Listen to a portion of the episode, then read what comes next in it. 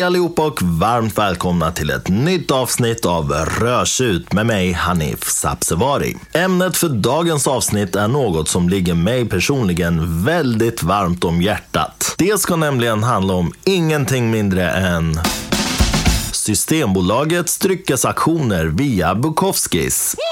Det känns otroligt spännande och kul att få bjuda er lyssnare på den här intervjun. Personligen anser jag nämligen att Systembolagets dryckesaktioner via Bukowskis är kanske den bästa och mest naturliga kanalen för att få tag i äldre viner här i Sverige. Man kan vara säker på att alla flaskor som läggs ut på den här auktionen har genomgått en mycket noggrann granskning. Man kan också vara säker på att hela förfarandet, från det att man registrerar ett konto på bukowskis.com till att man hämtar ut sina flaskor som man har vunnit i en budgivning känns extremt säkert och mycket pålitligt. Systembolaget och Bukowskis har i de här aktionerna lyckats skapa en extremt stabil och trygg plattform för alla oss som älskar äldre vin. Och utan att dra ut på det så mycket mer vill jag här presentera min intervju med Johan Blanche som är värderingsansvarig för vin och starkvin samt Tobias Axelsson som är chef för dryckesaktionerna.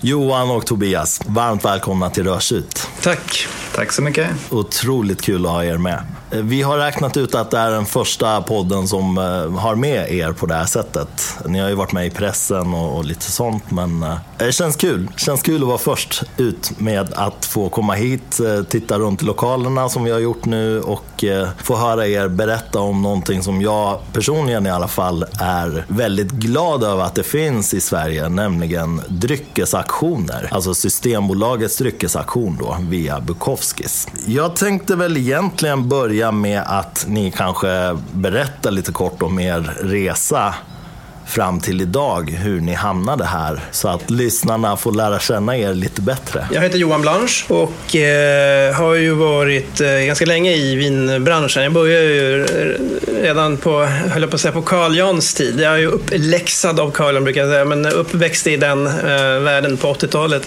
Eh, då jag var med och startade den här vinkällaren Grapp på Grevgatan, som Carl Jan fortfarande har. Och då var jag inte så himla gammal, eh, men eh, det var en fantastisk tid då. Eh, för då var ju liksom i begynnelsen av det här stora vinintresset som finns i Sverige. Började ju då kan man säga med Fine Wines och fick tidigt vara med på vinprovningar där med fantastiska viner och tidigt kastades jag in i den här känslan av vad roligt att få prova mogna viner med historik och proveniens bakom. Så det där har jag ju brunnit för hela livet sen. Och sen har jag drivit en egen vinkällare och varit mat och smakkonsult i många år. Jag älskar ju smakupplevelser överhuvudtaget livet. Eh, jobbat med olivolja och med mat och vin i kombination väldigt mycket. så Resor och provningar eh, överlag. Så jag var jätteglad när det här jobbet dök upp för fem år sedan nu. Eh, så har jag ju varit, jobbat för Systembolaget. Jag var själv kund i många år på de här auktionerna och gick och sneglade och gick och frågade någon gång ibland. Ah, finns det inte möjlighet att få börja jobba? Nej, nej det har vi inget, ingenting. Men sen plötsligt så blev det en, en lucka när auktionerna växte och det behövdes ny personal helt enkelt. Så från 2016 så är jag med i gänget här. Eh, som värderingsansvarig, kallas det så, fint. Eh, och det är väl där hela den här verksamheten börjar, när man skickar in en förfrågan på någonting man ska sälja. Och man får en värdering helt enkelt på det, om det är möjligt att sälja, om det är tillräckligt högt värde och så. Så att jag sitter ju väldigt mycket och lusläser sajter och andra auktionshus och eh, försöker följa med i trendutveckling över hela världen, eh, olika marknader beroende på vad det är för typ av vin helt enkelt. Så, så vin är min stora passion även privat. Om man tänker innan du eh, var med och startade Grapp, vad, vad hände då? Hur hamnade du överhuvudtaget i det här vinspåret? Jag var ju mat och smakintresserad redan som tonåring, men alltså jag hade knappt provat vin. Alltså när jag var 18-19 år kom jag ihåg första gången, då var bara föll som pladask. Jag tyckte smaken var fantastisk. Och kort därefter så, så var jag uppe i Grythyttan för att jag, jag, spelade flöjt på den tiden. Jag med, hade många musiker som var uppe där och spelade och sjöng. Och eh, ja, jag kommer ihåg direkt att jag bara föll för hela miljön och liksom, det dukade bordet och hela den liksom stämningen kring, eh, kring mat och vin. Eh, så att jag föll direkt in i det där. Och fick då möjlighet när Carl startade den här vinkällaren Grapto, så det var liksom, då var jag ju rookie verkligen. Men ja, jag kastades in i det med hull och hår. Så det är så kul, jag flika in, jag, ibland kommer det så gamla kunder från den, den tiden, mitten av 80-talet, som säljer flaskor idag, som jag la in en gång i tiden då. Liksom. Det är ju 35 år sedan, så det, det är kul, man får se de flaskorna igen. Så. Och jag, ja, jag kommer från ett litet annat håll kan man väl säga, Johan. Jag började sommarjobba som 16-åring, fick man på den tiden, eh, på en systembolagsbutik. Eh, och sorterade glas och tog bort ölflak och fyllde på i gångarna och sånt där. Ehm, och det gjorde jag två somrar och sen efter eh, gymnasiet där innan jag skulle in i lumpen så eh, jobbade jag eh, på, på den här butiken lite mer. Då. Eh, och började väl liksom då eh, förstå att det fanns någonting spännande med drycken. Jag hade precis liksom börjat få prova själv och sånt där. Jag, vet inte, jag hade inte den här eh, liksom, miljön som du hade Johan, den passionen och liksom det klimatet. Utan jag approcherade det kanske lite mer lite från någon, någon form av nördig, kunskapstörstande. Det är något system som man ska förstå, liksom, hur funkar det på något sätt. Och började liksom utbilda mig själv kan man väl säga. Eh, och ganska snabbt blev jag liksom den på butiken som var, som var bra på vin. Då. Det var ju en låg ribba eh, såklart. Men det var bra för självförtroendet så jag började hålla lite provningar och utbilda personal och sånt där. Eh, och sen så jobbade jag några år, i lumpen, kom tillbaka, jobbade några år, visste inte riktigt vad jag skulle göra. och sen så var jag på en, en, en viktig del var väl att jag åkte till Australien och jobbade på ett vineri där utanför Adelaide Hills som är precis bredvid Adelaide. Det är jättespännande vinområde och jag hade jättetur. Jag vet inte riktigt hur jag kom in där. Det var någon bekant till någon bekant och sådär. Men de var så himla schyssta. Alltså, du vet hur Ossis är. Jajamän. Ja.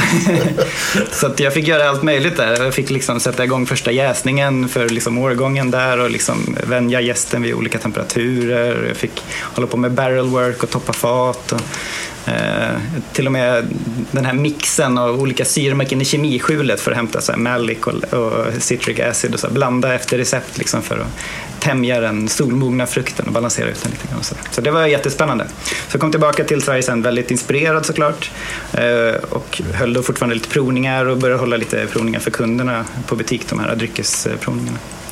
Och sen så öppnade sig en lucka med ett vikariat i provningsrummet på Systembolaget. Där, där man har offertprovningarna, där inköparna provar sånt som ska köpas in till sortimentet, där journalisterna och skribenter kommer för att prova olika släpp och så. Eh, så det var en jättefantastisk miljö. Det var ju dels eh, Eh, liksom närheten till inköpare och folk med väldigt mycket kompetens och, och sen framförallt möjlighet att prova eh, extremt mycket. Så där fick jag en enorm provvana och erfarenhet liksom av olika. Och gjorde en del karaktäristikarbete, de här hyllkansetiketterna. Och så. Men också det stora som jag haft hjälp av senare i min karriär, då, det är liksom det sättet man arbetar på. Det är processorienterat och väldigt mycket struktur och koll på det här, de här flaskflödena. Så det kunde jag ta med mig in i auktionsdelen då, som blivit nästa, nästa bananskal, om man säger. Jag började som assistent och avlastade Sören Nylund som var värderingsansvarig då och eh, Johan Magnusson som du har koll på såklart som var konsult och värderade väldigt mycket av vinerna. Så jag kom in 2012 tror jag det var i auktionsverksamheten.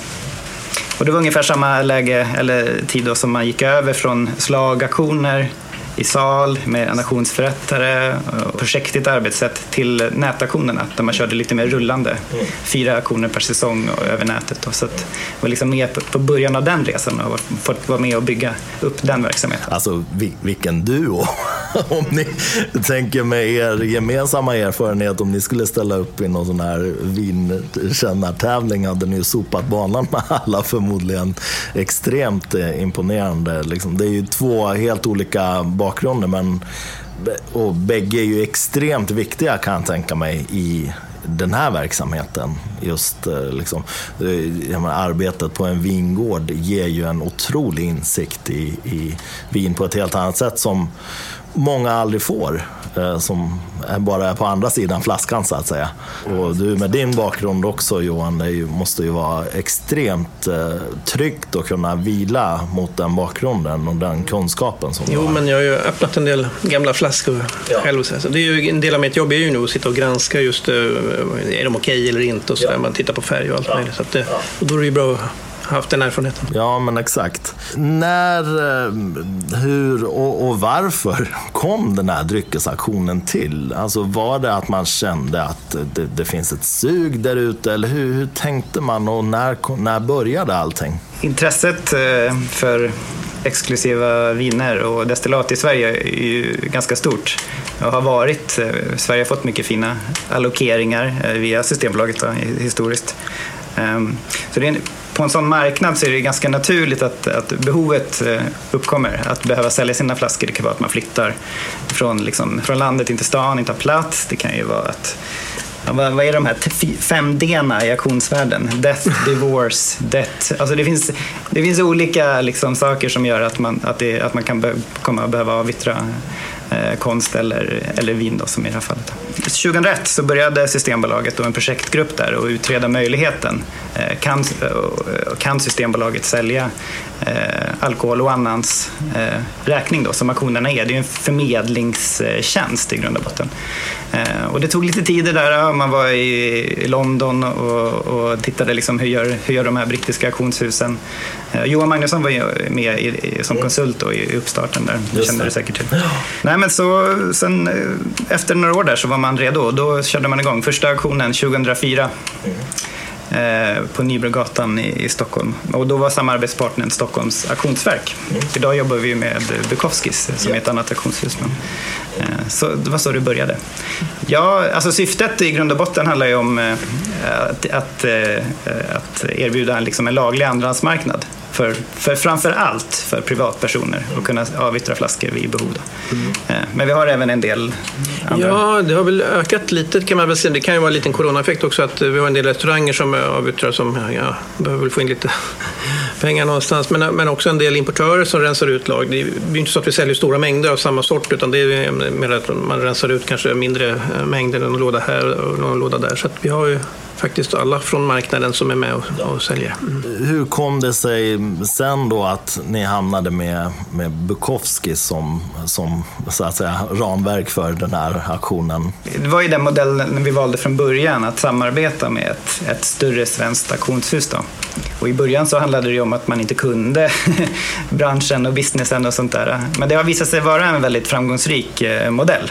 Alltså man har ju, det är olika företag med olika kompetenser och lite olika kulturer. Och, så det har varit en jättefin synergi, eh, tycker jag. Ehm, man, det är en väldigt spännande värld, om inte annat, och med de här andra specialisterna på mattor och du vet, konst, modernt, eh, contemporary. Alltså det är jättespännande andra kategorier.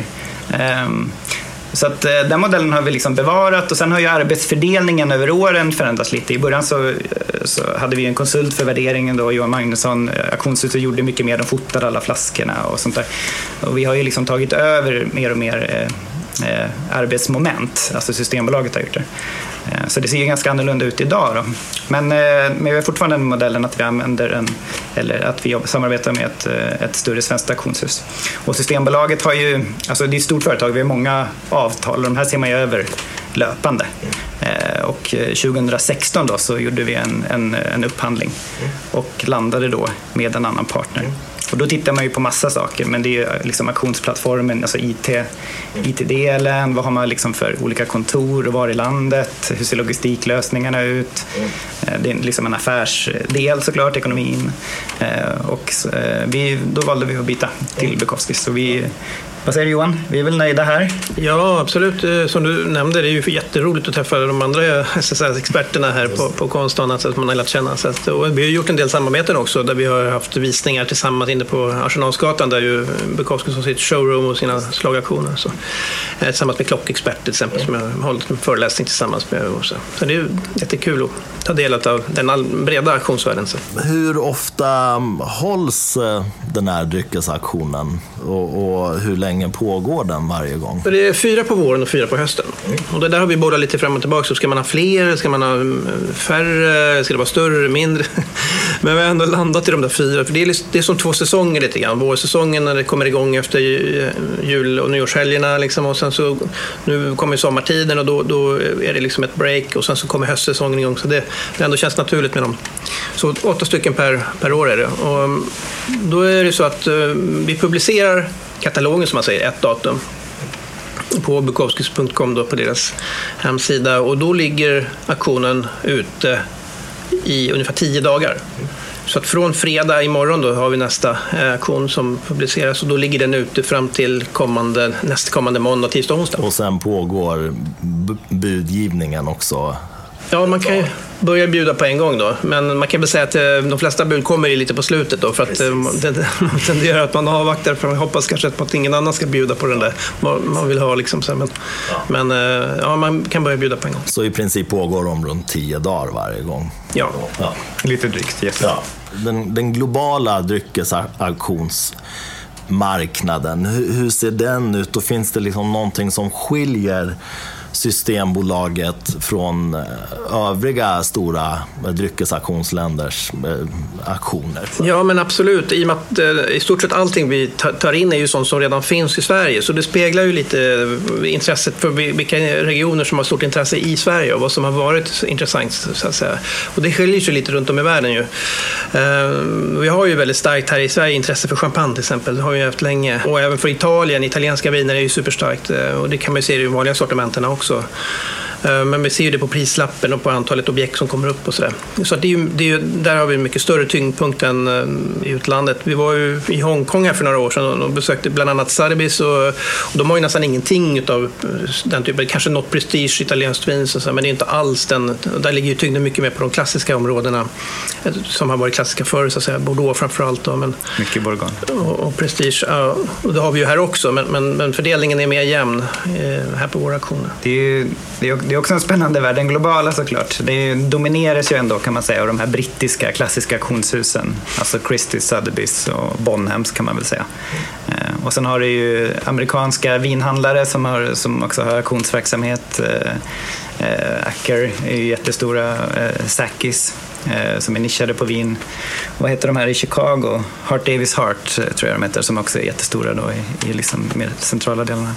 Så att, eh, och de, de stora aktörerna jobbar ju med mycket single seller eh, försäljningar, att man har liksom det en en, en säljare och sånt. Vi har ju en väldigt annorlunda, vad har vi i snitt? 200, mm. 200 säljare i snitt på en auktion. Så det, är ju, ja.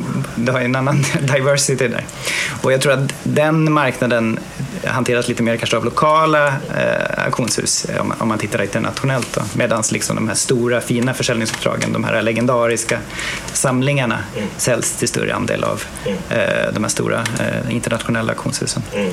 Då är det London och det är eh, Hongkong då, även om det har minskat lite i Hongkong där. Och sen New York i stort. Mm. Och i eh, Schweiz hittar mm. vi väl en del också. Mm. Jag tycker man ser att det är väldigt mycket champagne och väldigt mycket italienskt på auktionerna.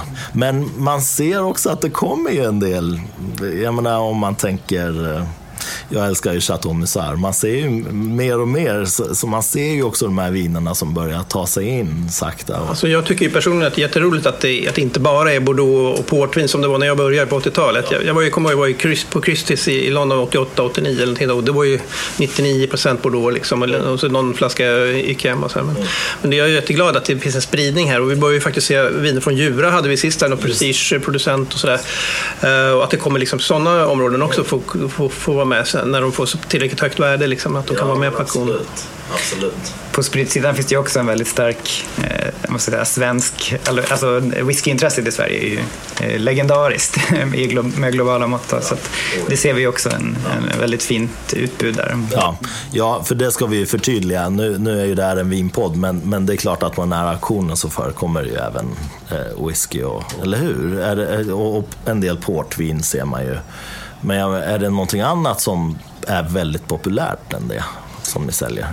Nej, det är vinet är 80-20 eller 75-25 fördelningen mellan vin och destillat. Ja.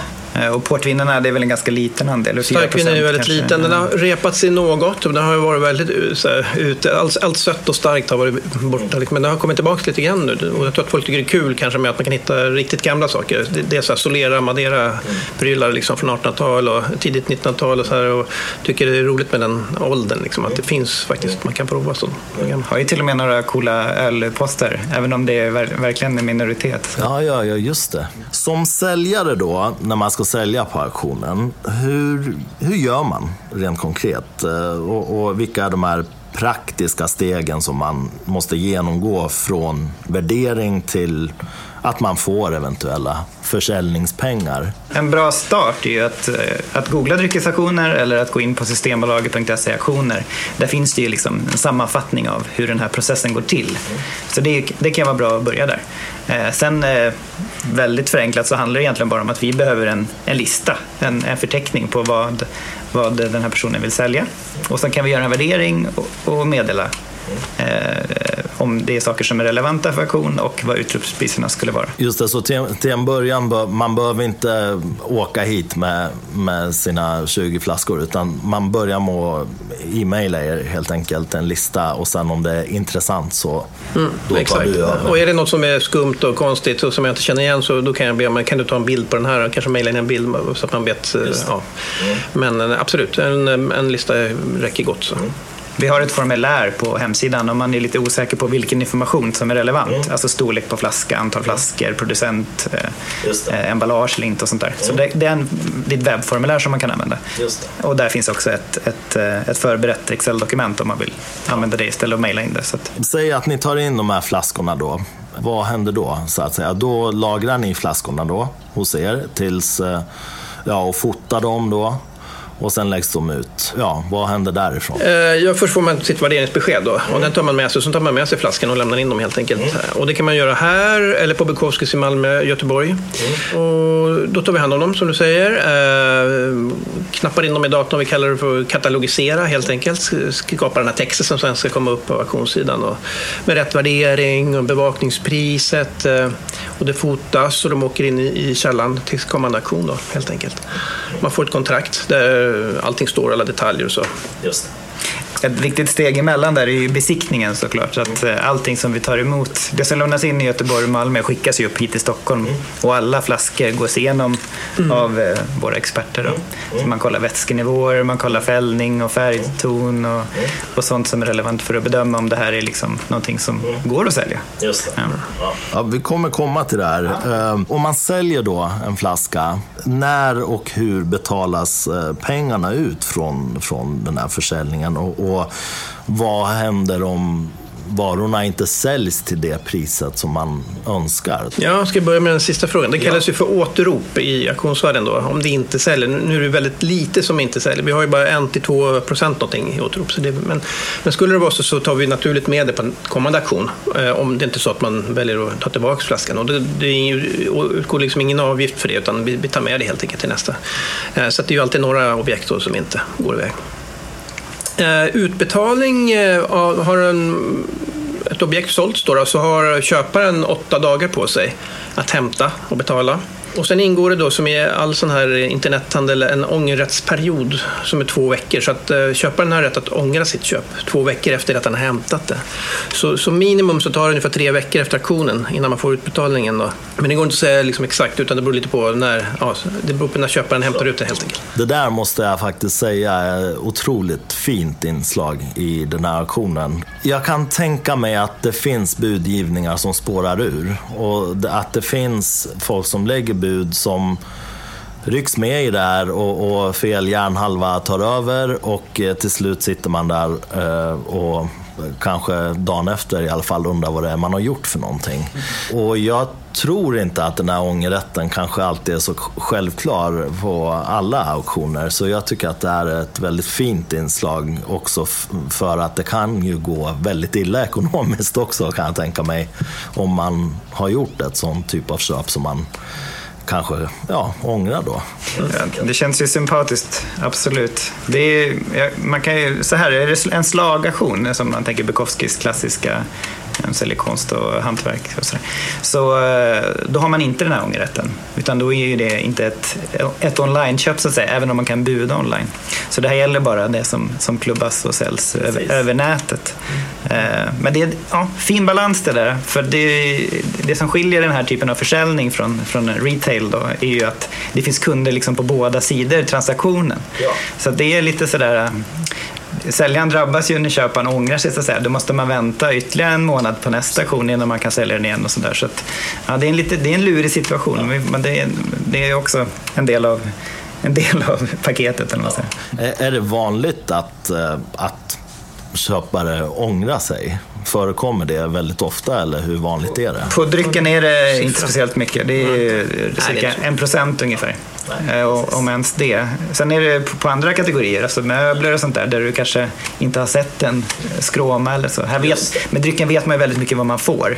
Mm. Man ser, det är bra bilder, man ser liksom vätskenivåer. Ja, det är otroligt bra bilder. Det sa jag innan vi startade den här inspelningen också, att eh, er fotograf ska verkligen ha en stor eloge. Det är väldigt, väldigt bra bilder. Man kan zooma ut rejält och det är fortfarande knivskarpa bilder. Man ser exakt, alltså man kan se alla alla de här eventuella defekterna. Eh, så det är ett fantastiskt jobb han gör, den här fotografen. Honom ska ni verkligen hålla i hårt. Eh, det är till stor hjälp faktiskt när man ska försöka bedöma eh, om man ska lägga ett bud eller inte. Så, ja. Kan man sälja vilken dryck som helst? Ja, det ska vara alkohol i. För det är ju det vi värderingsmän håller på med att försöka bedöma. Finns det en marknad för det här i Sverige? Så finns, kommer man upp i en tillräckligt hög summa pengar? Liksom? Så att det finns ju en Dels ska sakerna vara korrekta, men det ska också ha en tillräckligt högt värde för att landa i auktionen. Vi har haft någon sån här gräns på 1000 kronor per föremål, säger man. Nu kan, kan det vara flera flaskor i ett föremål. Liksom. Men det är inte så att vi säljer de enklaste sakerna, även om de har fått ålder och så, utan man måste upp i en viss eh, kvalitetsnivå helt enkelt. Det känns att det är auktionsstatus. Liksom. Ja. Exakt. Det är lite flytande gränser, men det är, sånt där jag sitter och så här, tackar jag nej till. Eh, jag tackar nej till en eh, flaska Bordeaux idag från Omedoc som, som har ett värde på 100-200 kronor flaskan, men då var det en stor flaska, 5 liter. Men jag tyckte ändå att liksom, innehållet var inte, inte tillräckligt hög eh, liksom, nivå för att man ska sälja det här. Nu kommer vi då naturligt till den här frågan som vi har varit inne på. Hur, hur värderas de här dryckerna och hur mycket spelar till exempel årgångar och marknadspriser och expertbetyg och sånt in? Eh, ja, men, men, precis. I första hand så tittar vi på de auktioner vi har haft och vi har haft ganska många här i Sverige. Så att, och, ta ett exempel på att men Dom Perignon säljs ju alltså, massvis med årgångar varje auktion. Så där har man ju stenkoll på liksom, vad, det, vad marknaden vill betala. Så det är liksom den kundkrets vi har, köp-i-kundkretsen, det, det, är de som sätter ribban. Liksom. Sen kan det ju komma in objekt som är väldigt udda som man aldrig har sett förut och då blir det lite mer en chansning. Då tittar jag ju väldigt mycket på utländska auktionshus och rent allmänt vad handlas de här för? Har jag ju fått en erfarenhet nu efter några år att man känner att det här är ett vin som borde kunna landa ungefär så här. Och sen kan man ju ha en liten dialog med säljaren också. Är det något udda så kan man ju kanske de säger, ja men jag har varit i, i Madrid och där kostar den så här. Man kan ha en liten dialog kring liksom, tillsammans helt enkelt. Så det beror lite på då vad det är för typ av eh, sorts objekt. Liksom. Då är ändå fokus väldigt mycket på marknaden Eh, jag, jag, tänker, jag menar, om man tänker onlinebutiker till exempel, är ju väldigt fokuserade. De vill ju gärna stoltsera med en Parker 100 poängare och, och så. Det är väldigt viktigt eh, försäljningsargument för dem. Eh, men eh, här är inte sådana saker så viktigt då menar du? Nej, eh, alltså jag vet ju rätt mycket om vilka som är, har fått höga poäng och de tenderar ju gå högre såklart. Så att, men, men, men, det är inget som vi liksom generellt liksom använder oss av, att, att styra upp det med poängbedömningar. Så. Nu är det ju många säljare som brukar skriva det i en rad. Ah, obs, obs, Parker har gett 100 poäng sen. Men jag kollar ju ändå på vad, vad har den gått för här ändå så att säga. Ja. Och, och, vissa, det finns ju vissa papper speciellt kan jag ju säga som som går i superhögt eh, i vissa länder och på vissa auktionsmarknader men, men inte når upp här och då blir man kanske besviken som säger att men den går ju så himla högt här. Mm. Hur kommer det sig? Ja, men den, den marknaden finns inte riktigt här. De betalar de priserna utan ska vi sälja så landar det kanske här någonstans. Då är inte heller årgångar och sånt heller kanske jätteintressant jämfört med nät online-butiker som... Där, där det är saftigt eh, ja. påslag på en ja. legendarisk årgång. Ja. Ja, nej, men vi ser ju stora variationer här också. Det är jättestor skillnad på en 81 och 82 Bordeaux till exempel. Eller 100-pengarna eh, ligger ju jättemycket högre än andra årgångar liksom, i närheten. Så, så att, nej, men det spelar absolut in. Men det är ju lite av en självreglerande marknad. Alltså efterfrågan, eh, slutpriserna, det är ju, det är, det är, det är ju sanningen liksom. Yes. Och det är ju den vi utgår från när vi sätter nästa nivå och sånt där. Sen kan det ju springa iväg ibland i budgivningen på ett sätt som kanske inte är så motiverat. Mm. Och en vanlig sån anledning är ju när det är, ja men nu är det 20, 20, 2021. Mm. Då ser vi liksom de här 91 erna 81 erna de går mycket, mycket högre än de kanske borde rent sensoriskt. Och då kan man ju tänka sig att det kanske har att göra med en, en present till någon som fyller jämnt. Eh, och då kan ju inte Johan sätta liksom, en värdering utifrån det slutpriset utan då får man ju liksom mm. tänka helhet. Nej, har det gått upp jättehögt en gång så är det så här, men man ser man en trend med flera gånger att oj, eh, salong har ju stigit. Men det finns vissa viner och champagne som, som hela tiden stiger och då får man följa med liksom, utropen såklart. Så efter varje auktion så går jag ju det som har blivit återrop. Nu sist så hade vi lite sött vin och det kände jag lite på mig innan att det där kommer kanske vara svårsålt. Mm. Sött vin från Loire som ju kan vara fantastiskt att dricka men, men det är liksom inga priser på det direkt. Eh, så där har jag reglerat eh, ner eh, helt enkelt priserna. Mm. Och det, det, är sånt där svår... En del söta viner är svårsålda för att det, det finns inte så stort intresse helt enkelt. Det är ju precis som du säger också, det är ju det fina med det här att det är lite självreglerande eftersom det är ju väldigt nischat där då. Man, man, jag kan tänka mig ändå att över 90 procent av de som budar på en sån här auktion har ändå relativt bra koll på vad de håller på med. Jag har lite svårt att se att folk som kanske handlar mycket på fasta sortimentet och tar det som finns på hyllorna lite på måfå går in och börjar buda på en sån här auktion. Så att de har ju koll på årgångar generellt sett och då blir det ju väldigt smidigt då. Egentligen gör de jobbet kan man säga. De sköter marknadspriserna. Nej, nej, men, men, men det ligger mycket i det. Det ligger jättemycket ja, ja. Så att eh, det, det är en väldigt eh, kompetent eh, liksom, köpare som budar på en sån här auktion kan jag tänka mig. När du värderar då, hur går det till? Vad har du för verktyg och vad tittar du på? Ja, men jag utgår från vad det är för typ av eh, vin. Liksom, helt Är det sådana viner som vi har ofta så är det ju väldigt easy att kolla de senaste auktionerna. Så jag har ju en databas som jag söker in. Vi har, dels har vi en egen databas, sen har vi Bukowskis register som det vi har lagt in. Och sen använder jag Winesearcher ganska mycket, men där får man ju upp både butiker och auktionshus. Så det blir, där får man liksom eh, justera lite i huvudet. För att eh, det, en del kan ju tycka, ah, men jag var, såg en butik i London, den kostar så här mycket. Men det, det, liksom, det får man inte riktigt när man, när man säljer såklart det som man kan köpa den för. Och ibland så måste jag surfa runt en hel del för att hitta något udda vin. Liksom kolla upp för säkerhets skull så att jag inte missar något. Liksom, så att ja. man avfärdar något. Men det där är inte värt så. Sen visar det sig att i Buenos Aires så... Ja, ja men det kan ju vara så här lokala... Ja, exakt. Så att, ja, man får ha lite fantasi och så här, sök fantasi. Kan du ringa till andra auktionshus? Finns det en sån intern relation att ni kan hjälpas åt på det sättet? Eller? Det är så olika marknader ju, på olika platser.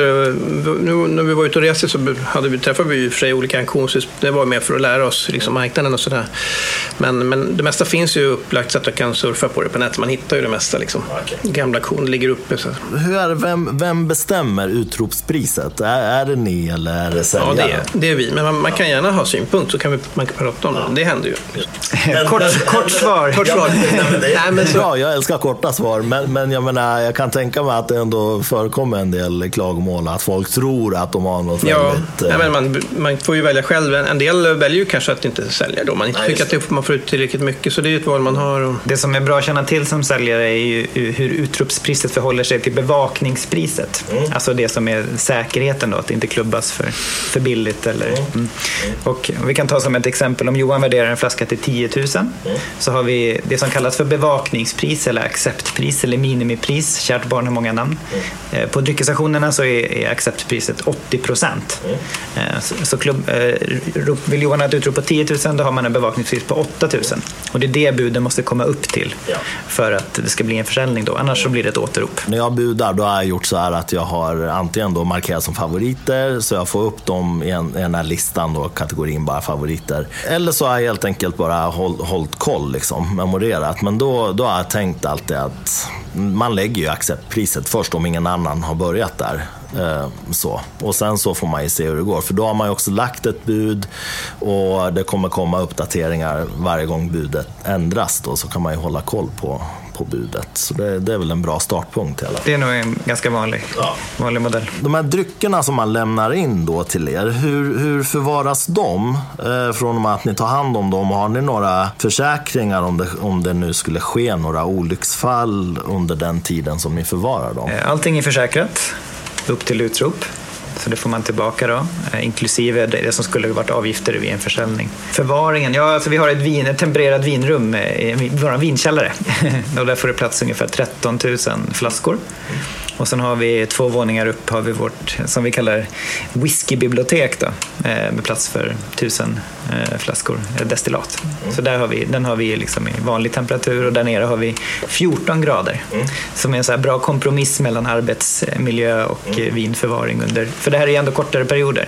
Flaskorna ligger här ungefär i ja, fem, sex veckor kanske i snitt har vi flaskorna hos oss. Då. Ja, det var ju fantastiskt. Vi var ju där nere och kollade här innan. Det är ju, jag tror vi har prickat årets varmaste dag hittills. Det var ju väldigt skönt att vara där inne just nu i alla fall. Ja. Men, äh, men det, det var väldigt, äh, väldigt och det, man ser ju när fukten som kommer, kommer uppifrån också. Så det är ja, väldigt optimala förhållanden. En intressant sak, jag, jag tycker det här är jätteintressant det här med eh, äkthet. Och, och det, det förekommer ju väldigt mycket bedrägerier har man ju förstått. Och eh, i ett tidigare avsnitt har jag haft Rare Wine Invest som också berättar att de har en vindetektiv som försöker avgöra äkthet och så. Eh, hur, hur gör ni där? Hur avgör ni äkthet och, och skick på de här flaskorna som ni tar in och, och vad finns det för verktyg att tillgå? Ja, det är ju en del av mitt eh, uppdrag då, att kolla. Och eh, jag, ju, jag kollar ju inte alla flaskor som kommer in på samma sätt, utan man vet ju liksom på förhand vilka som är så kallade riskobjekt. Då. Det kan vara Chateau Petrus eller DC-flaskor, sånt som, eh, som är värt jättemycket pengar såklart. Och speciellt från tidsperioder då, när det var lite svajigt, när det kanske var olika, man använde olika färg på vaxet och det var lite olika från olika årgångar. 50-60-tal är sådana där decennier som är besvärliga. Då. Så kommer en flaska därifrån, så då kollar jag ju extra noga. Och det är ju en lång lista på detaljer man kan prova, eller kolla upp då förstås. Eh, från allt från kapsylens utseende, om man kan se korken, står det någonting på korken? Vad är det för glas i flaskan? Eh, etiketten med trycket och jag har ju mikroskop och kollar förstoringsglas eh, och det mesta helt enkelt. Och jämföra med gamla bilder från våra auktioner, eller jämföra med Wine Frauds bilder som vi är medlemmar i en organisation som försöker förhindra förfalskningar. Eh, kan vi titta på sådana bilder. Det händer inte jätteofta, men vi, nu hade vi någon flaska ganska nyligen här. Ja, Petrus 62. ja, men som vi gick, och då, just den där typen av flaskor från 60-talet, det är risk lite grann. Va? Så då, då ska vi upp eh, kapsylen för att kunna se trycket på korken helt enkelt. Och det kan vara jättesvårt att se genom glaset så vi höll på ganska länge. Men jag lyckades ändå konstatera att eh, den, den kändes tillräckligt safe för att vi skulle ta med den. Så den är med. Ja. Trycker det på rätt håll? Det är ja, liksom massa detaljer som Korkens längd. Alltså det, är, det är ett detektivarbete som är, det är väldigt så här Sherlock Holmesigt ja, och roligt faktiskt att jobba ja, med. Det, så. så sen har ju hänt mycket på senare tid, 10-15 åren, så har det kommit till massor med security-grejer utan att sätta i det märkningar och massa saker i etiketten som man kan kolla upp och, och sådär. Många har på sin hemsida man kan knappa in eh, serienummer och sånt där så att man kan se exakt när den är buteljerad. Ja, man kan följa det på ett helt annat sätt. Mm.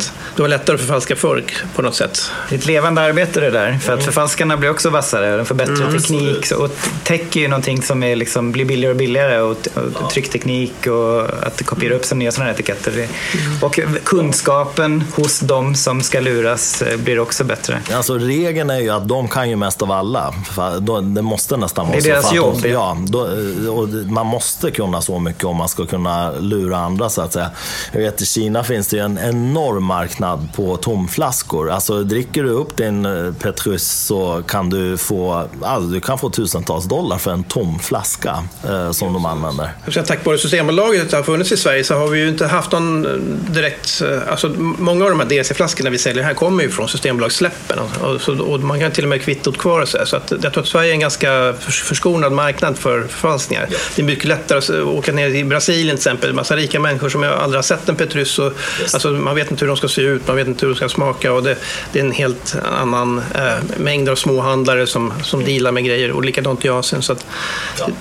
Vill man kränga dyra grejer så hittar man kanske andra marknader som är lättare att få ut dem på. Ja, jag tror det. Jag tror att, eh, jag tror att just Asien och USA och Sydamerika är ju väldigt eh, drabbade marknader. Och det här är ju faktiskt en av de väldigt fina delarna med att ha Systembolaget i Sverige och har den här styrningen som vi har. Jag är inte alltid själv supernöjd kanske med hur det ser ut med utbudet, framförallt i det fasta sortimentet. Men det här är den biten jag är väldigt glad för. Att man har extremt mycket tillit till Systembolaget och det jobbet som görs.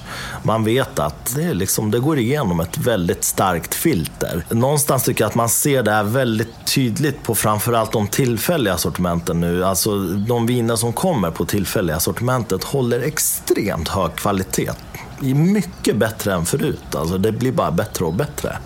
Och det säger mig också att det pågår ett väldigt aktivt arbete med att ändå kvalitetssäkra hela tiden. Och ibland finns det en tendens till att man slår sig till, till ro lite grann. Men här tycker jag att man märker att det pågår ett väldigt aktivt arbete med att hålla uppe den här kvaliteten också och förbättra den. Vad händer då om, om ni upptäcker förfalskning, vad, vad sker då? Att, äh, ingenting egentligen, som vi säger att äh, den här känns inte 100% säker och äh, den får du ta tillbaka helt enkelt. Mm.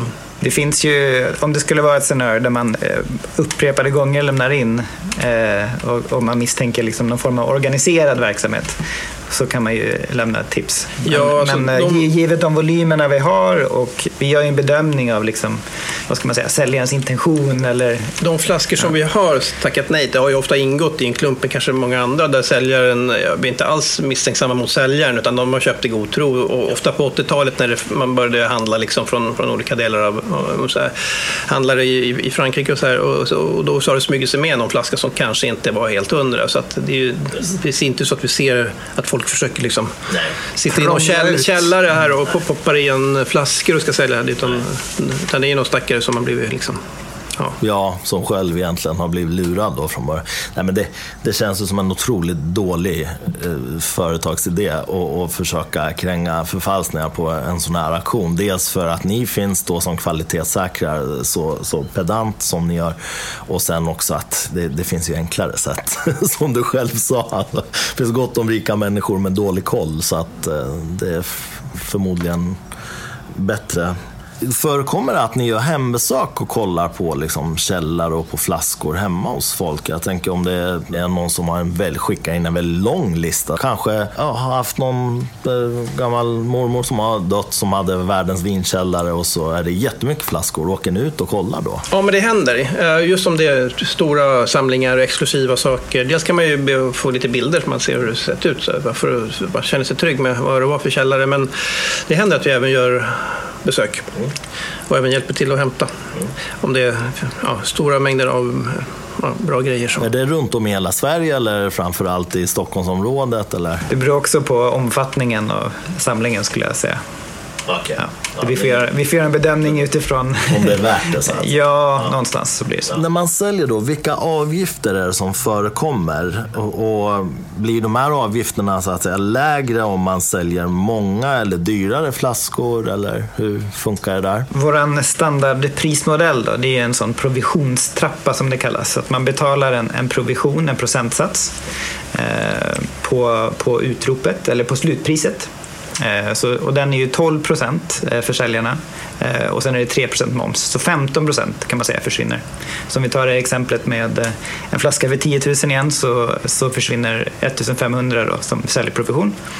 Och sen är det för varje utrop, inte för varje flaska, för varje post för varje utrop, så betalar man en fast avgift på 170 kronor inklusive moms. Så det är det säljaren betalar i, när ett objekt klubbas. Mm.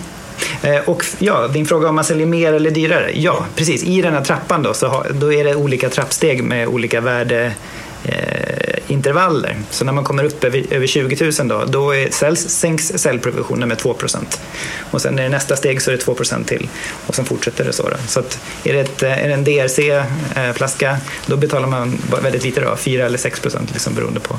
Just det. Mm. Just det. Och vad gäller stora samlingar så då får man också titta igen på, på helheten. Eh, liksom, vart finns den? Vad är snittvärdet för de här flaskorna? Är det mycket hela lådor och sånt där? Och då gör vi liksom en helhetsbedömning. Mm. Men även där så finns det steg då eh, med lägre provision eh, utifrån Eh, ja, man kan säga utifrån arbetsinsatsen. Vi ska vara kostnadsbaserade, vi ska ta ut det vi behöver för att täcka, täcka liksom, utgifterna. Då kommer vi in lite på avdelningen köpare. Nu har vi pratat en hel del om säljarsidan. Som köpare, är det enklaste att gå in på hemsidan eller vad, har, har ni som sysslar med det här bra tips på hur köparna ska göra. Så, som ny köpare så kan man också börja googla dryckesaktioner och gå in på Systembolaget slash aktioner och, och kolla hur det går till. Så det finns ju också en liten guide där.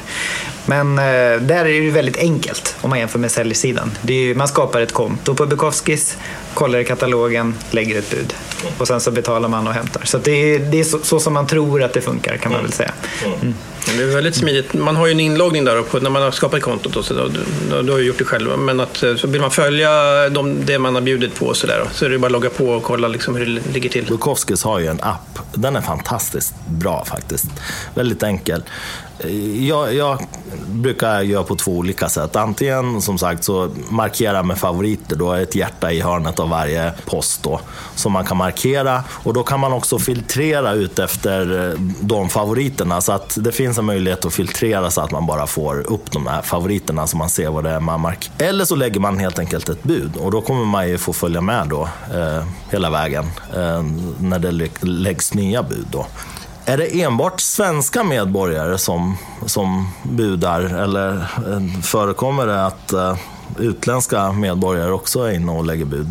Alla är välkomna var man än befinner sig så att säga, i världen. Eh, men de flesta är ju svenskar som, som bjuder. Det är inte många procent det kan vara som är från utlandet. Men vi har några runt omkring de nordiska grannländerna här. Danskar och norrmän, någon finsk. Det enda är att man, man får hämta eller sköta transporten själv. Vi kan inte skicka ut från Sverige så att säga, utan vi är ålagda att bara driva verksamhet i Sverige. Men, men budgivning kan ske från utlandet och bara att man ser till själv att hämta det. Mm. Det finns ingenting i tjänsten där vi vänder oss mot någon annan marknad än den svenska. Så kan man väl säga. Det är Systembolaget och det är ensamrätten och det här är ju en del av det så att säga. Så det, det här tjänsten och den här eh, liksom, eh, utbudet finns ju till för de svenska kunderna. Men sen gör vi inget aktivt för att stoppa och ja, det finns flera. Men det är, en liten procent men kan, man kan väl tänka att det som är värt att fraktas eh, över gränser så, det är kanske är mer sådana, den typen av mm. produkter som, som också köps av, av folk från andra länder. Men då får de lösa frakten själv då eller? Tull, frakt. Ja, allting. Vi har, ingen, vi har liksom ingen tjänst som är cater. Nej, jag förstår. jag förstår. Nu har vi ju snuddat vid det här, hur man följer en budgivning. Men vad händer när man vinner? Vinner en budgivning? Man får ett eh, vinnarmail, en bekräftelse på att man har vunnit eh, med länk då till mina sidor, bukowskis.com, mina sidor, eh, där man kan gå in och betala. Och man kan också boka dag för uthämtning, om man är i Stockholm. Då. Ska man hämta i, på annan ort, Göteborg eller Malmö, då kan man betala sitt föremål och boka sin transport, boka och betala sin transport till det Bukowskis kontor som, där man vill hämta ut. Men det är de tre kontoren man kan hämta ut på? Så är det. Eh, och eh, det här får vi mycket återkoppling kring såklart. Det är ju en jättespännande katalog och det är många i Sverige. Det finns ju många vinintresserade och, och, och whiskyintresserade också, eller destillatintresserade i landet. Så att vi, vi utreder utlämning i butik och hur vi ska liksom lösa bredden då på, på erbjudandet. Men eh, i dagsläget så är det Göteborg, Malmö, mm. Stockholm som gäller. Men, men om man bor någon annanstans, finns det möjlighet att till exempel skicka en fraktfirma eller en budfirma hit och plocka upp flaskorna och köra hem dem till en? Precis, det är, och det är det folk gör. Man, man kan anlita en tredje part då.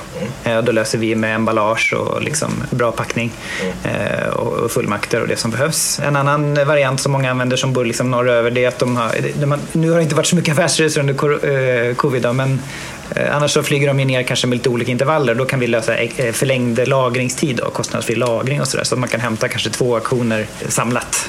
Eller att man behöver, säg, två veckor extra för att hämta och sådär. Det går också att lösa. Mm. Det är lite kreativa att skicka någon vän som någon väska till hit. Eller man, till, vi har något gäng uppe i Norrland, det är ju Umeå där som känner varandra och som brukar turas om och, och, och bilar förbi och så tar de med sig varandras grejer. Och, eller att man har en bekant i storstadsregionen. Det har ju väldigt många. Har ju någon som bor Absolut en syster eller en, ja. en farbror eller något sånt. Ja, och som kanske också kan ha flaskorna stående ett tag tills man ska ses eller något sånt. Eh, vilka betalsätt finns det och, och vilka valutor kan man betala i? Nej, alltså, de vanligaste betalsätten är ju kort, att man betalar med kort på, över nätet. Då. Mm.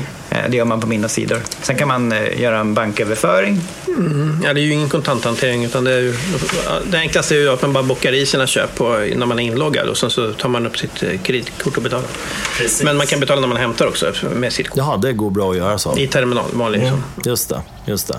Ja, precis. Jag kan berätta att det är så jag gör oftast. Jag, jag bockar i det jag har köpt och sen så betalar jag med kort och då, då är det ju bara mobilt bank-id då helt enkelt och sen dras det då från kontot. Och valutor, jag antar att om man, om man köper från utlandet så då blir det ju... Man betalar med svensk valuta. Ja, precis, precis. Det blir ju en banköverföring då helt enkelt. Finns det möjlighet att reklamera defekta flaskor om det nu skulle förekomma? Det beror på vad man menar med defekt. Det finns ju lite olika sorter. Mm. Eh, korkdefekter är ju en sån här osynlig defekt som, som, som vi i vårt granskningsarbete inte har någon möjlighet att upptäcka. Så den typen av, av eh, faults då, det blir ju liksom part of the game som vi säger. Det är en risk som man tar som köpare. Sen eh, om det är sånt som beror på dålig lagring, oxidation är sådana grejer som ligger lite på gränsen. Det kan ju vara, eh, det kan, man kan ha otur med det så att säga, men det kan också vara ett eh, Eh, tecken på, på att det legat för varmt eller så. så där är vi ganska generösa och sånt där. Så vi, vi, det är lite case to case. Vi får kolla vad, vad, vad, vad kan det bero på. Har vi missat någonting i granskningen? Mm. Och då tar vi liksom ansvar för det. Och sådär. Mm. Men eh, de här osynliga grejerna som korkdefekter och sånt, det, det, det, får man liksom, då får man ta det tyvärr. Ja, nej men precis. Men det är ju det är granskningsarbetet. Vi beskriver flaskan så noga som möjligt och då ska det ju stämma när man kommer hem. Att det stod att det var skadad etikett eller att kapsylen var av, och så, då måste ju det framgå. Liksom. Så att, ja. har vi missat det, då, då, då, har vi gjort något fel. Men, ja. men att eh, om, om man inte gillar vinet så, så kan man Nej, precis. Köper man 70-tal Bordeaux och förväntar sig eh, från ett enklare slott och förväntar sig en stor vinupplevelse. Då, det är också en sån sak som vi kanske inte kan ta ansvar för. Jag har ju köpt eh, vin på den här auktionen ja, ett antal gånger nu. Och eh, det är egentligen bara en korkad flaska jag har varit med om. Och den var ju inte... Det var en flaska som var... Jag har aldrig hört talas Den ingick i en sån här bland, blandlåda som jag kallar det.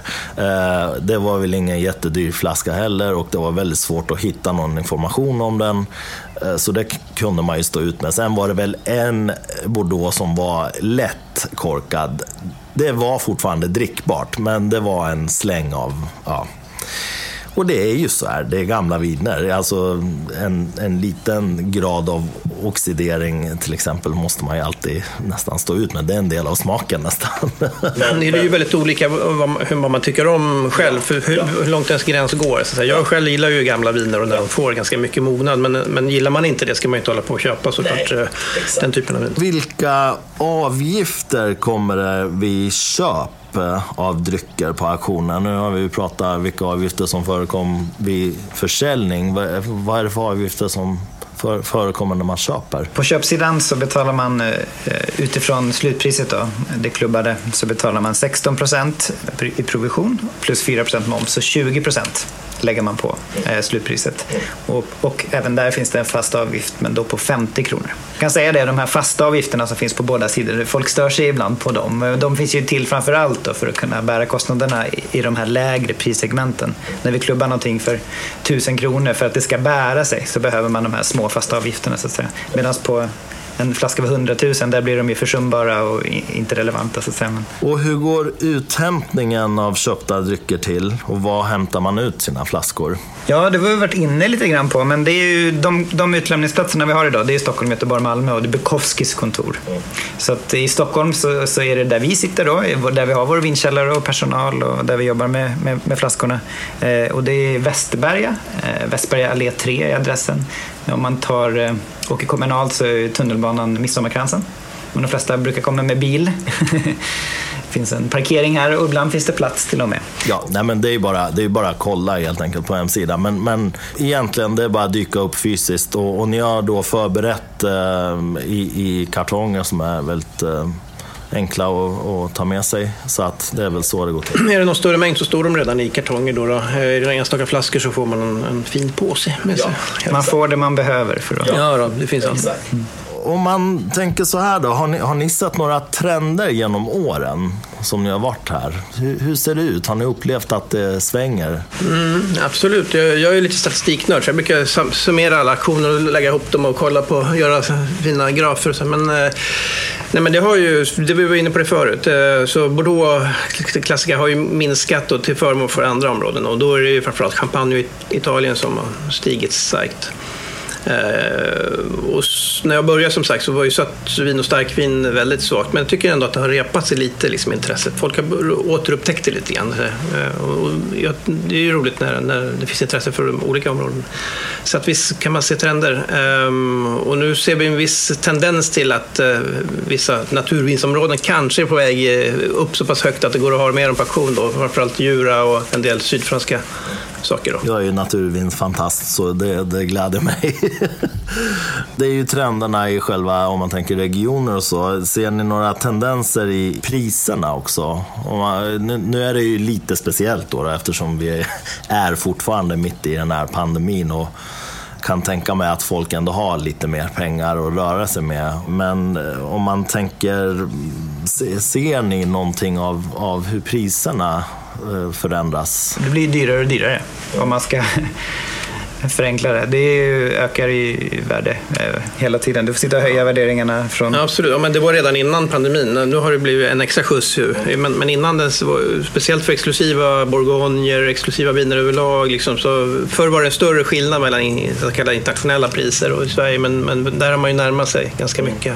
Det är, som, det är ju ganska enkla mekanismer. Det är ju efter, vi har en konstant tillgång det finns bara de vingårdarna och de, den produktionen så att säga. Och så har du en, en, en köpkraft som bara växer och växer, ett intresse som bara växer och växer. Ja. Fler människor har mer pengar över så att säga. Och man lägger det. Det här är en form av lyxkonsumtion och, och, när folk får det bättre så kan man lägga mer pengar på det.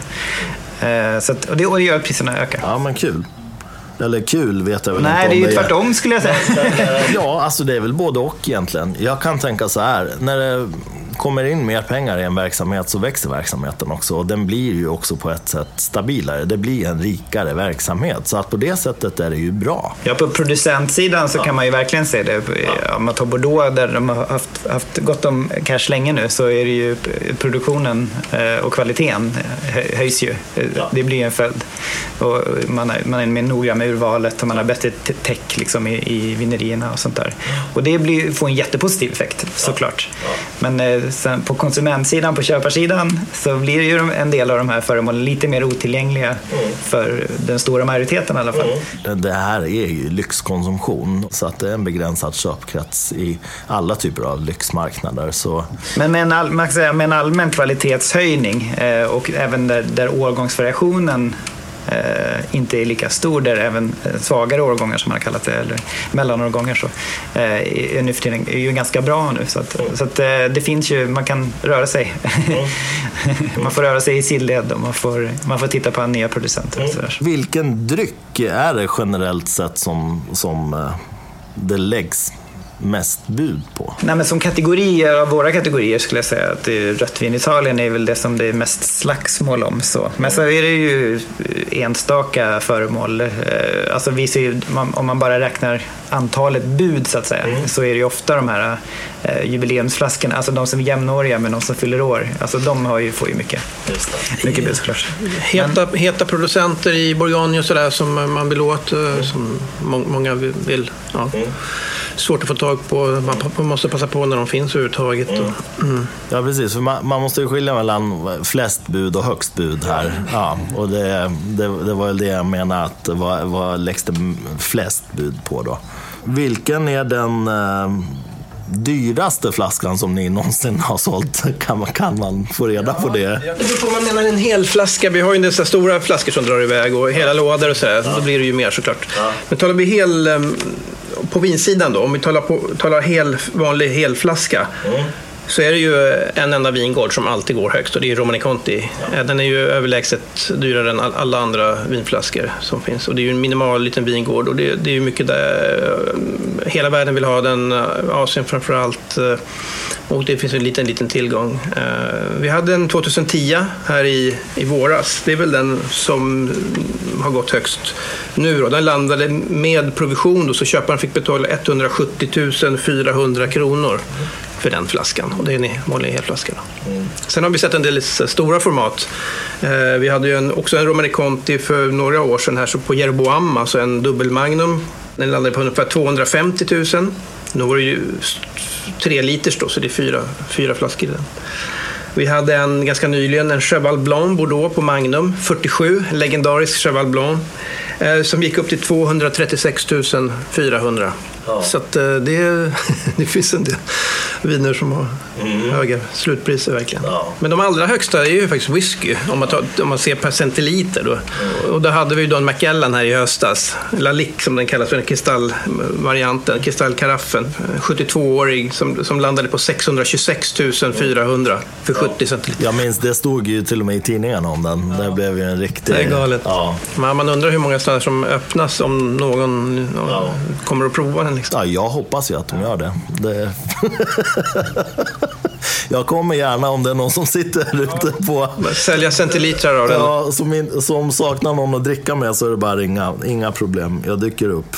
Jag tänker, har ni några tankar kring om man ska sälja då? När det gäller val av dryck och regioner, stilar och kanske antal flaskor. Är det bättre att köpa en, en flaska Petrus eller Eh, Romané Conti? Eller är det bättre att köpa 3, 6, 9, 12 stycken flaskor av någon liksom mindre dyr sort och, och, försöka sälja om, ja, men om man tänker om 10, 15, 20 år. Hur, om, om ni tänker statistiskt så här som ni sitter på, vad, vad skulle vara det bästa? Det som ökar mest är ju oftast det som är, som är dyrt redan från början. Så att säga. Så att, tänker man bara ekonomiskt, om man inte är intresserad själv av innehållet, så då skulle jag nog satsa på en enstaka väldigt dyr flaska.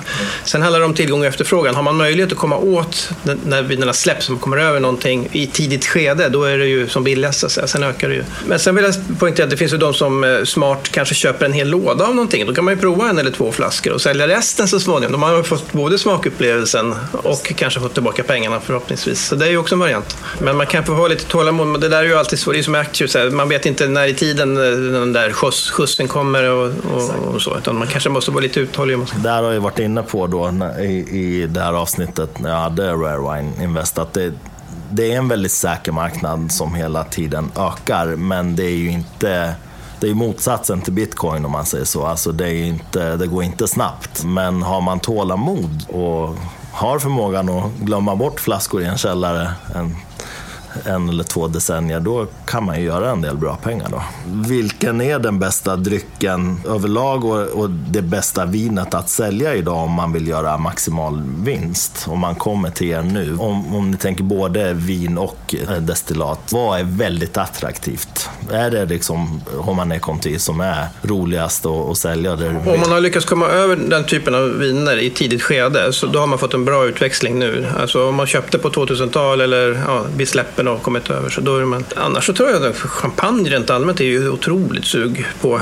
Eh, och där, kan man, där har du även eh, unga årgångar snabbt. 08 tog ju slut snabbt i butikerna när de släpptes. Men de stack iväg direkt. Eh, ryktet för, på en fantastisk årgång. Och så. Plus att man gör ju extrema marginaler där. Jag menar, att köpa hyfsad champagne är inte dyrt egentligen när det släpps jämfört med vad man får tillbaka om man bara sitter på det ett par år om man tänker Magnumflaskor, hur ser, hur ser det ut procentuellt sett? Alltså om man tänker mängden Magnumflaskor jämfört med vanliga flaskor.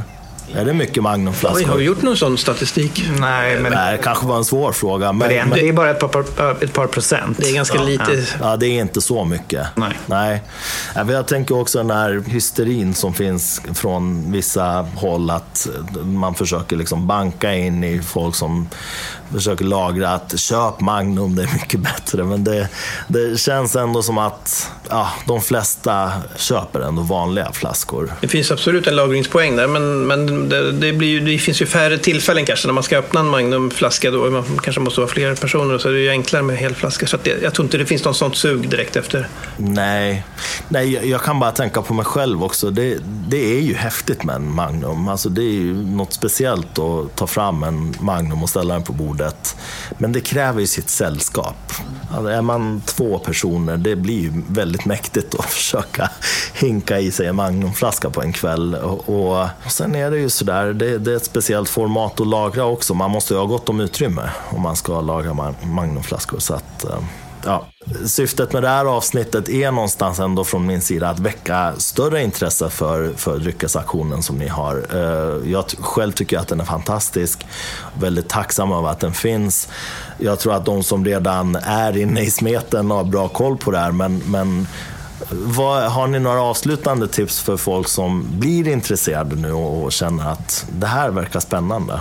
Om, om vi talar på köpsidan, om man ska vara med och bjuda på auktionerna så, så jag bjuder på något enstaka ibland själv, men jag är inte så rik så att jag, jag brukar fokusera på de här udda årgångarna, producenter som ingen känner till kanske, att man kan faktiskt man kan få fina smakupplevelser eh, så att säga, även genom att man hittar, hittar bakom de här tunga åren och så. Eh, och det behöver inte vara värsting, eh, champagne eller värsting kring eh, Vi har massa roliga champagner nu med till exempel som är kanske från champagnehus som inte har sådär superstort renommé men då kan man, så man kan komma åt dem lite till schysst pris och sådär också.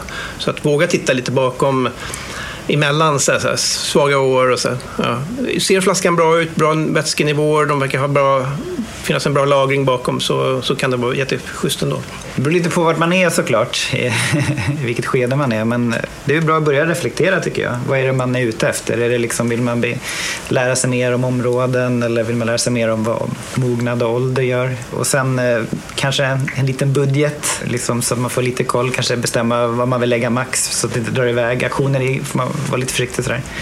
Ja, men jag skulle säga det, det som är USPen eh, med det som vi erbjuder är väl ändå liksom mängden moget i förhållande till det som finns liksom i retail och så. Det är en helt annan värld av smaker. Så det, det, är väl en allmän uppmaning skulle jag säga. Att eh, har du, är du inte bekant med moget vin så, så bli bekant. För det, det, är, någon, det är någonting annat. Ja, det blir en ytterligare dimension, mm. eller hur? Ja, det blir det verkligen. De som har följt den här podden vet ju att jag också är otroligt svag för äldre viner. Men det är ju någonting annat än, äh, än purfärska viner som släpptes i förra året eller något sånt. Jag kanske också kan flika in med ett tips att man så här, det finns ju faktiskt också i beställningssortimentet hos Systembolaget en del äldre viner. Om man känner sig osäker så kan man ju börja med att bara jobba sig bakåt lite i tiden där och se, liksom, är det här någonting för mig?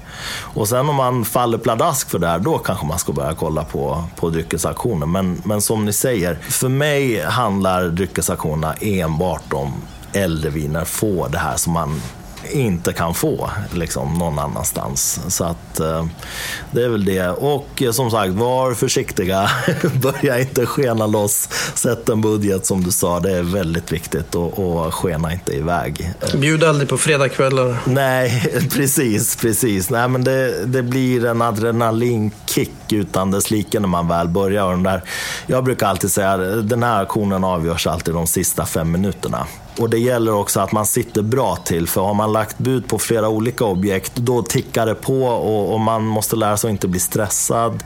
Och kanske också släppa en del objekt som man, har, som man är intresserad av, som drar iväg i pris. Men eh, eh jag vill varna för den här, jag är väldigt rädd att människor hamnar i den här Lyxfällan-varianten. Så att var försiktiga. Det finns en ångerrätt. Det finns en ångerrätt, det är ju det fina i det här. Det, det är väldigt viktigt att påpeka.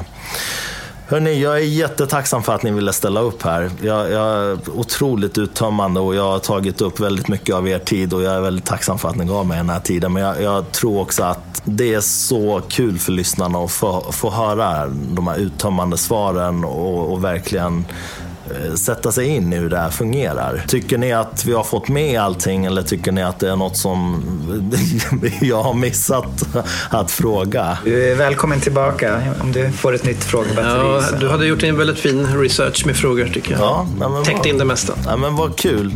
Eh, Tusen tack för att ni ville ställa upp. Och eh, ja, det är bara hem och börja buda.